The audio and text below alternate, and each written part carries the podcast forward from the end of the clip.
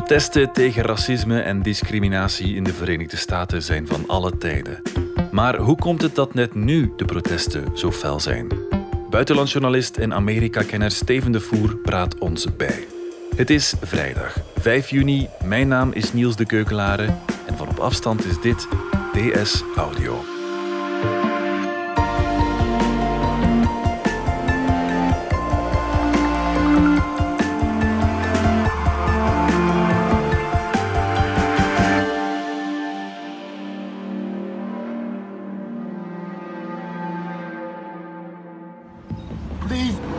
I can't breathe, officer. Ah, Shut up. they gonna kill me. They gonna kill me, man. the brutal death of George Floyd. I can't breathe. He should not have died. This man's life matters. He matters. I say black lives, you say matter. Black lives. Matter. Black lives. Matter. These are not acts of peaceful protest. These are acts of domestic terror. I am your president of law and order and an ally of all peaceful protesters.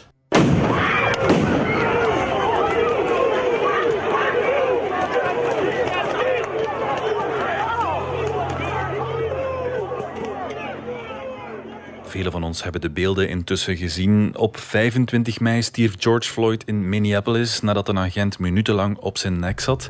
Sindsdien staat het land, maar vooral die stad, op zijn kop. Steven, verbaast het jou dat het er nu net in Minneapolis zo hevig aan toe gaat? Ja, in eerste instantie wel een beetje, omdat uh, ja, Minneapolis staat bekend als een, als een levendige, jonge, multiculturele stad. Uh, dus uh, zeker niet een die je meteen met rassenrellen zou gaan associëren. Hmm. Maar anderzijds, als je eventjes verder leest en nadenkt ook, dan besef je dat het eigenlijk wel redelijk typerend is, omdat daar gebeurt wat je wel in meerdere Amerikaanse steden hebt, dat de binnenstad erg multicultureel is, met uh, veel zwarten en ook wel uh, verarmde buurten, zoals dat uh, met grote Amerikaanse binnensteden gaat, mm -hmm. maar ook met jonge, moderne, progressieve jongeren die daar wel goed mee overeenkomen.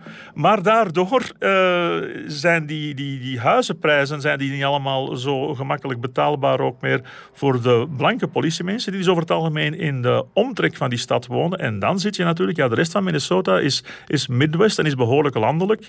Dus krijg je wel te maken met een over het algemeen blanke, zeer conservatief ingestelde, vaak wel inderdaad een beetje racistische uh, populatie, die dan de orde moet gaan handhaven in een gebied waar heel veel mm-hmm. zwarten zitten. En uh, in dat opzicht is het natuurlijk niet verbazend. No cops, no KKK, no racist USA. Ja, we zien nu een vlaag van hevige protesten over heel Amerika. Zijn die protesten typisch iets van de laatste decennia? Uh, het is de laatste decennia, zeg maar, de, de goede laatste halve eeuw, sinds de jaren zestig, is um, de mondigheid en soms ook krachtigheid, tot zelfs gewelddadigheid van het, uh, van het verzet, is veel meer in de media gekomen. Maar het is wel een fabeltje van te denken dat in vroeger tijden dat zwarten die onderdrukking zomaar ondergingen. Kanye West heeft een paar jaar geleden een ongelooflijke, eigenlijk schandalige uitspraak gedaan door te zeggen, uh, ja, 400 jaar slavernij, dat klinkt als een keuze. Hij suggereerde daar dus van dat de zwarte bevolking altijd veel te braaf is geweest en niks heeft gedaan. En zeker dus in die periode van die slavernij. Mm. En dat is gigantische onzin. Er zijn honderden opstanden geweest destijds. De, de beroemdste ervan is die van Nate Turner, uh, 1831. Wat ja, een, een, een goed georganiseerde en bloedige opstand is geweest. Mm-hmm. Uh, waarbij ze zelf 60 uh, plantagehouders en familieleden hebben vermoord. Waarop er dan in de represaille honderden uh, slaven zijn, zijn vermoord. En dat was zeker geen alleenstaand geval. En trouwens, de slavenhandelaars die kochten ook zeer bewust op de slavenmarkt, kochten die families uiteen zorgde ervoor dat die werden opgesplitst en naar verschillende eigenaars gingen. En ook groepen van slaven die uit dezelfde streek in Afrika kwamen en die daar dezelfde taal hadden geleerd. Allemaal om te voorkomen dat ze zich zouden kunnen organiseren, omdat dus de angst voor een, voor een opstand een, een, een constante was. Mm. En het is, het is bizar dat dat blijkbaar toch onvoldoende wordt doorgegeven in de herinnering aan die tijd. En hoe komt het dat er net nu terug zo'n opleving is van die protesten? Ja, er zijn wel een aantal factoren die meespelen. Uh, je hebt in de eerste plaats, denk ik, dat zal de belangrijkste zijn, het feit dat het hele klimaat in de VS onder Donald Trump uh, veel giftiger is geworden. En met name op die scheiding van rassen.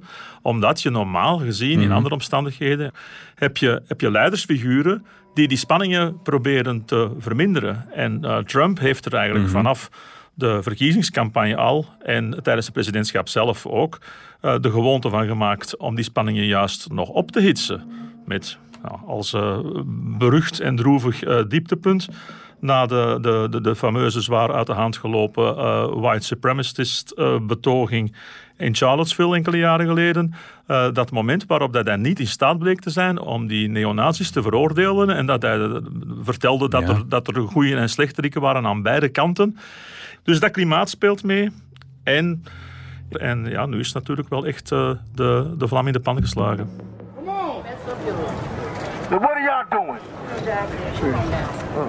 What are y'all doing? Y'all doing nothing. Right now, I think the nation needs law and order because you have a bad group of people out there and they're using uh, George Floyd and they're using a lot of other people to try and do some bad things. And what we do, and I, we have it totally under control. Let's do this another way. Let's stop thinking that our voice don't matter. That's right. And vote. There you go. Not just vote for the president, vote for the preliminaries, vote for everybody. If you watch fake news, CNN, totally fake news. I mean, I watch. It's almost like these are the most wonderful people on earth. They're not. When you look at the real clips, they're not. They're not. There are a lot of bad people, and there are a lot of good people. There's some great people, but there are a lot of really, really bad people in there. And uh, you have a lot of radical left crazy people, and you have people that don't want good for our country. Educate yourself. Don't wait for somebody else to tell you who's who. Educate yourself and know who you're voting for. Je komt al jaren in Amerika, je volgt de gebeurtenissen daar ook al jaren voor de krant. Hoe kijk je nu naar wat er daar allemaal gaande is? Je valt van de ene emotie in de andere op het ogenblik, maar er was één ding uh, waar ik echt ongeveer van mijn stoel van viel. Uh, dat was dat de bekende Fox News-presentator Tucker Carlton, de man die uh, Trump nu verwijt dat hij veel te laks aan het reageren was op de rellerige meutes, dat die over die, die stoute, gemene, uh, vandaliserende, platbrandende uh, betogers en, en relschoppers die het land in gevaar aan het brengen zijn, dat die daarover, dus eigenlijk vooral over zwarte, laat ons wel wezen, dat hij daarover zei, ja, al die mensen die nooit iets hebben bijgedragen tot het, uh, het opbouwen van deze grote natie. Het is echt... Ja de verbijstering voorbij om zoiets te durven stellen. Ik bedoel, iedereen met enig economisch benul weet dat de rijkdom van de Verenigde Staten, eh, de, de hegemonie van de Verenigde Staten in de 20e eeuw, voor een groot deel is opgebouwd uh, door een industrialisering die dreef op het succes in de eerste plaats van die katoenindustrie, die puur floreerde op basis van slavenzweet. Dus om te suggereren dat zwarten in Amerika niks te maken hebben met de opbouw van de rijkdom van Amerika, dat is, dat schandalig.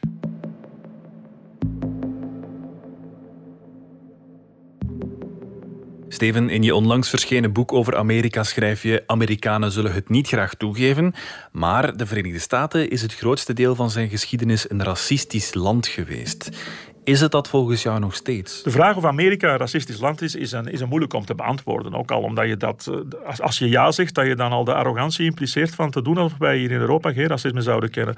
Um, Maar uh, ik vind wel dat historisch gesproken het een land is dat uh, door zijn macht door de erkentelijkheid ook die in Europa bestaat voor het feit dat ze ons zijn komen bevrijden van het nazisme, dat ze daardoor met heel veel weg zijn geraakt. Uh, en het uh, storende is dat uh, ze er ook zichzelf nog steeds niet echt rekenschap van geven dat bijvoorbeeld tot in de jaren 60 ze een regime van segregatie hadden daar in het zuiden dat heel sterk lijkt op de apartheid in Zuid-Afrika, maar dat eigenlijk veel minder kritiek heeft gekregen internationaal in, in al die jaren. Uh, de, de grote fout van Amerika qua racisme lijkt mij te zijn, en dat, dat, dat is bijna de essentie van mijn boek ook, dat het land is dat destijds is ontstaan vanuit een soort tabula rasa. Wij willen weg van de, het standensysteem in Europa. Bij ons heeft iedereen het recht op pursuit of happiness. We zijn allemaal gelijk. Ja, op voorwaarde dat je een man bent en dat je blank bent. En dus de manier waarop dat ze zowel de hmm. Indianen hebben aangepakt en bijna hebben uitgemoord terwijl ze hun land inpalmden, maar ook de zwarten hebben gebruikt om hun enorme economische rijkdom op te bouwen op gratis zweet. Dat is op zich al een schandaal. Ze schaffen dat dan af in uh, eh, 1865 na de burgeroorlog. Je zou kunnen denken dat is het moment om, om met een nieuwe lijn te beginnen. En dan komt er een, volledige periode van 100 jaar in dat zeer foute segregatiesysteem, waarbij dat zwarten, ook al heten ze geen slaven niet meer, nog steeds onderdrukt worden. Dan krijg je weer zo'n nieuwe periode van loutering met de burgerrechtenwetten van 1965. Eh, en eigenlijk is de discriminatie daarna nog altijd niet opgehouden, want dan zijn ze bijvoorbeeld begonnen met echt massaal zwarten in de gevangenis te stoppen. Ook mensen voor piepkleine verdrijven waar uh, blanken voor ongemoeid worden gelaten. Dus ze hebben, wat mij betreft, te veel kansen gehad om met dat racisme van het verleden af te rekenen. Om uh, zichzelf van, van uh, het etiket racistische naasten te kunnen vrijpleiten. Ja, we zien bij de politie in de Verenigde Staten dat er bij een tussenkomst een grote ongelijkheid is in de aanpak tussen zwarte en witte mensen. Hoe komt dat? Wel, Laat ons eerlijk zijn. Uh, het, uh, het, aspect puur racisme speelt natuurlijk een, een flinke rol. Maar dat gezegd zijnde, mm het is ook geen lolletje om politieman te zijn in de Verenigde Staten. Je, je hebt daar nu eenmaal die, die wapencultuur. agressie die in Europa wordt uitgevochten met de vuist, is daar al sneller met, met het pistool. Wat politiemensen bang maakt. Het is een gevaarlijk beroep, meer dan bij ons. En er zijn mhm. ook de misdaadstatistieken natuurlijk die uh, maken dat uh, ja, zwarte wijken zijn gewoon statistisch gesproken een stuk gevaarlijker dan blanke wijken. Wil dat daarom zeggen dat zwarte uh, slechtere mensen zijn? Zeer zeker niet. Maar de omstandigheden ook van economische uitbuiting, van uh, de grote discriminatie die er eigenlijk de jongste halve eeuw zeker is geweest in het uh, voor een habbekrats zwarte mensen in de gevangenis gooien, voor misdrijven die vaak veel kleiner zijn als waar dat blanke uh, op, uh, op borgtocht of met een voorwaardelijke straf ervan afgeraken, mm maken dat de zwarte populatie echt gigantisch oververtegenwoordigd is in gevangenissen. En in gevangenissen word je natuurlijk ook geen beter mens en leer je elkaar uh, ook voor een stuk misdaad aan, waardoor je een vicieuze cirkel krijgt. Dus dat politiemensen op patrouille in moeilijke wijken dat die soms wat zenuwachtiger reageren, dat kun je niet altijd afdoen als puur racisme. Maar ja, als je dan niet bereid bent om in te zien dat de omstandigheden die dat hebben gecreëerd, dat je die voor een groot deel zelf hebt gemaakt, dat je niet kunt blijven een, uh, een volk onder, onderdrukken uh, op alle mogelijke manieren en verwachten dat die uh, netjes in het gareel gaan blijven lopen en, en ja knikken en zeggen, dan zullen wij maar arm blijven. Ja, dan, dan heb je het niet begrepen, hè, dat je zelf mede verantwoordelijk bent. Black lives matter! Black lives matter! is niet hoe het moet zijn, man. En dat zien we allemaal. Warrior, arm you! Ja, die exousia! Ja, het valt op dat de, de Black Lives Matter-beweging wel heel globaal aan het gaan is op dit moment. Hè. Dus het beperkt zich niet meer tot Amerika. We zien ook de hashtags en de, de, de tweets en alle bijhorende zaken hier in België verschijnen. Denk je dat dit ergens ja, een gunstig effect heeft, dat het op zo'n globale schaal zich uh, afspeelt? Dat, dat, dat het protest zo globaal gaat, uh, vind ik een een voordeel en een nadeel. Ik, bedoel, vind het enerzijds uiteraard uh, zeer sympathiek dat iedereen zich het lot, uh, of iedereen, tenminste ook mensen in Europa en, wereldwijd, mensen uit heel verschillende groeperingen, zich het lot van zwarte Amerikanen aantrekken. Maar het gevaar dat je daardoor de boodschap wat gaat verwateren, uh, is natuurlijk ook reëel. Bovendien, door de alomtegenwoordigheid, de verplichtheid van de sympathie, uh, ben ik soms een beetje bang voor het uh, politiek-strategische effect op het andere kamp. Uh, je zou kunnen gaan vrezen voor een herhaling van wat zich afspeelde in 1968. De moord op Bobby Kennedy, op Martin Luther King, kort daarvoor ook nog op Malcolm X. Mm -hmm. Kort achter elkaar voor de verkiezingen van 68. En je zat sowieso al op een golf van van sympathie voor een jonge, lieve tegencultuur van, van, van flower power en meer begrip voor mensen met een andere huidskleur en, uh, en anti-Vietnam en zo. Uh, dus iedereen dacht, we zijn aan het werken aan een, aan een, aan een betere wereld. Uh, en wat deed Richard Nixon? Hij accentueerde het feit dat er ook uh, veel uh, rellen waren uh, door, door woedende zwarten. en anti-Vietnam-betogingen door jongeren met te lang haar en een te, te losse seksuele moraal. En hij heeft op die manier juist mm -hmm. heel erg uh, braaf, maar meer rechts en soms een beetje racistisch denkend uh, Amerika ge gemobiliseerd om voor hem te stemmen, is op die manier verkozen geraakt. Ik denk dat dat in zijn mhm. stoutste dromen het, het scenario is dat Donald Trump nu ook beoogt. Mayors and governors must establish an overwhelming law enforcement presence until the violence has been quelled. We have Antifa, we have anarchists, we have terrorists, we have looters. We have a lot of bad people in those groups. I mean, you watch and you see. I am your president of law and order. You have to dominate. If you don't dominate, you're wasting your time. They're going to run over you. You're going to look like a bunch of jerks.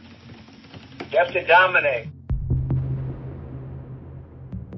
Ja, als je dan ziet dat Trump bijvoorbeeld een vredevol protest uit elkaar schiet, letterlijk met rubberkogels, uh, voor het Witte Huis, ja, kan die daar dan nog mee wegkomen voor de volgende verkiezingen? Ja. In normale omstandigheden zou je zeggen nee. Dit, is, dit is een van de grofste schandalen uh, die ik in de Amerikaanse democratie uh, van, de, van ja, de jongste eeuw mij, mij kan herinneren. Mm -hmm. Je moet je voorstellen, Lafayette-pleintje, de toeristen die wel eens in Washington zijn geweest kennen het. Dat is dus dat, dat plein voor de voordeur van het Witte Huis, waar eigenlijk altijd, zelfs op het moment dat het politiek windstil is, er staan altijd uh, mensen die over iets aan het protesteren zijn. Mm. Het is daar uiteraard nu in deze omstandigheden een stuk drukker, maar de mensen die daar stonden te betogen waren uh, ja, brave middenklasse mensen met vrouwen en soms zelfs met kinderen.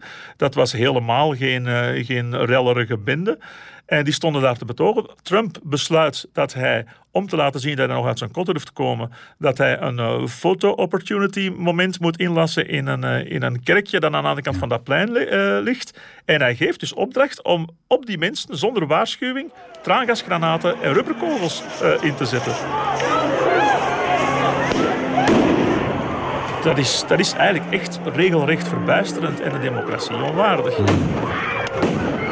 Dat is ook wat heel algemeen nu klinkt als reactie, zowel aan mensen van de kerkgemeenschap die zeggen van, van zo'n onchristelijk gedrag en dat om dan zogezegd met een, uh, met een, uh, een christelijke gedachte en met de Bijbel in je hand te gaan poseren, uh, dat, is, dat is schandalig. Is that your Bible? Your Bible?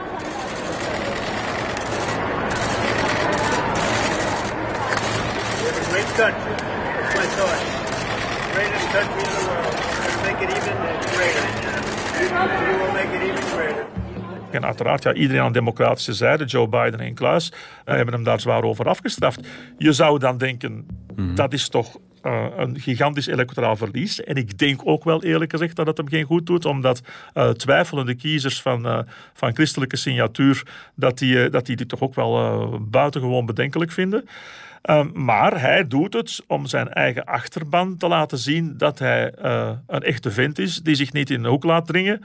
En de media zijn zo gigantisch gepolariseerd in de VS. Wij praten altijd over Fox News, maar er bestaat een heel arsenaal aan uh, zendertjes en websites en, uh, en, kleine krantjes die in diezelfde sfeer of nog erger zitten. Mm -hmm. En uh, daar zien ze alleen maar een, een man die inderdaad enkele dagen te lang heeft geaarzeld, maar die nu verdraaid toch weer eens eventjes laat zien dat het gespuis van links niet Amerika in, in rep en roer zal zetten zonder dat de president gereageerd heeft. Mm -hmm. Dus ja, wat dat betreft zit er wel degelijk een strategie achter. New York is disaster what's going on in New York, and we could help them a lot. They have to ask. If they don't get it straightened out soon, I'll take care of it. If a city or state refuses to take the actions that are necessary to defend the life and property of their residents, then I will deploy the United States military and quickly solve the problem for them. Kan een nieuwe president iets oplossen? De vraag of dit nu zal veranderen indien we na november of na januari dan na de inauguratie een president Biden krijgen in plaats van, uh, van Trump, is een die je natuurlijk moeilijk anders kunt antwoorden dan met ja. Gewoon omdat de, het, het klimaat dat door Trump gecreëerd is, is zo bizar vreemd hyperrechts en gewelddadig, dat je alleen maar een drastische verbetering kunt hebben. Maar om nu te gaan denken dat je daardoor uh, als bij toverslag het racisme uit de VS gaat wegkrijgen, wel, dat was wel wezen, Biden was de, de sidekick van Barack Obama gedurende acht jaar. Een zwarte president met veel betere ideeën en een veel groter charisma en welbespraaktheid. En die heeft het ook niet uit de wereld geholpen. Integendeel, het feit dat hij zwart was, heeft het misschien in een tegenreactie onder uh, rechts-blank Amerika zelfs nog versterkt. Dus nee, wonderen zijn er niet. Zoals trouwens een, een, zwarte activiste mij gisteren vertelde aan de telefoon. Het is zoiets als de COVID-19-crisis. Je zult het virus moeten isoleren. Je zult de patiënten die het hebben gehad moeten isoleren. En je zult niet moeten denken dat je er binnenkort vanaf uh, bent, want er gaan nieuwe golven komen en het wordt een proces van lange jaren. Ik denk dat dat een juiste analyse is. Mm -hmm. Maar ik geloof wel dat met de juiste president, iemand zoals Biden, die echt wel de hand uitsteekt naar Zwart-Amerika, dat je wat beter op de weg zit naar de tijd ook zijn dingen laten doen. Want dat is eigenlijk de enige echt optimistische gedachte die je kunt hebben. Geldt trouwens voor nogal wat uh, dingen die uh, polariseren in de VS. Dat is dat over het algemeen de jongere generatie veel minder scherp tegenover elkaar staat dan de ouderen. Mm. Dus voor een stuk kun je zeggen dat het misschien wel een zelfhelend proces zal zijn, maar dat in ieder geval nog tientallen jaren zal aanslepen. Mm -hmm. Steven de Voer, dankjewel. Graag gedaan. Dit was DS Audio. Wil je reageren? Dat kan via dsaudio.standaard.be. In deze aflevering hoorde je Steven de Voer en mezelf Niels de Keukelare. Ik deed ook de redactie samen met Emiel Karter en Joris van Damme. De eindredactie gebeurde door Anna Korterink. Joris deed ook de audioproductie, Brecht Plasgaard schreef de muziek die je hoorde in deze podcast. Chef audio is Wouter van Driessen. De extra geluidsfragmenten die je hoorde kwamen van Care 11 en Reuters. Vond je deze podcast interessant? Weet dan dat je er elke werkdag één kunt beluisteren. Dat kan via de DS Nieuws app of via standaard.be-audio. Je kunt je ook abonneren via iTunes, Spotify of de podcast-app van je keuze. En als je daar dan toch bent, schrijf gerust een review. Zo toon je ook anderen de weg. De Standaard heeft zijn weekendkrant helemaal vernieuwd. Benieuwd? Surf dan naar standaard.be-voordelig en ontdek het voor maar 3,50 euro per week. Maandag zijn we er opnieuw.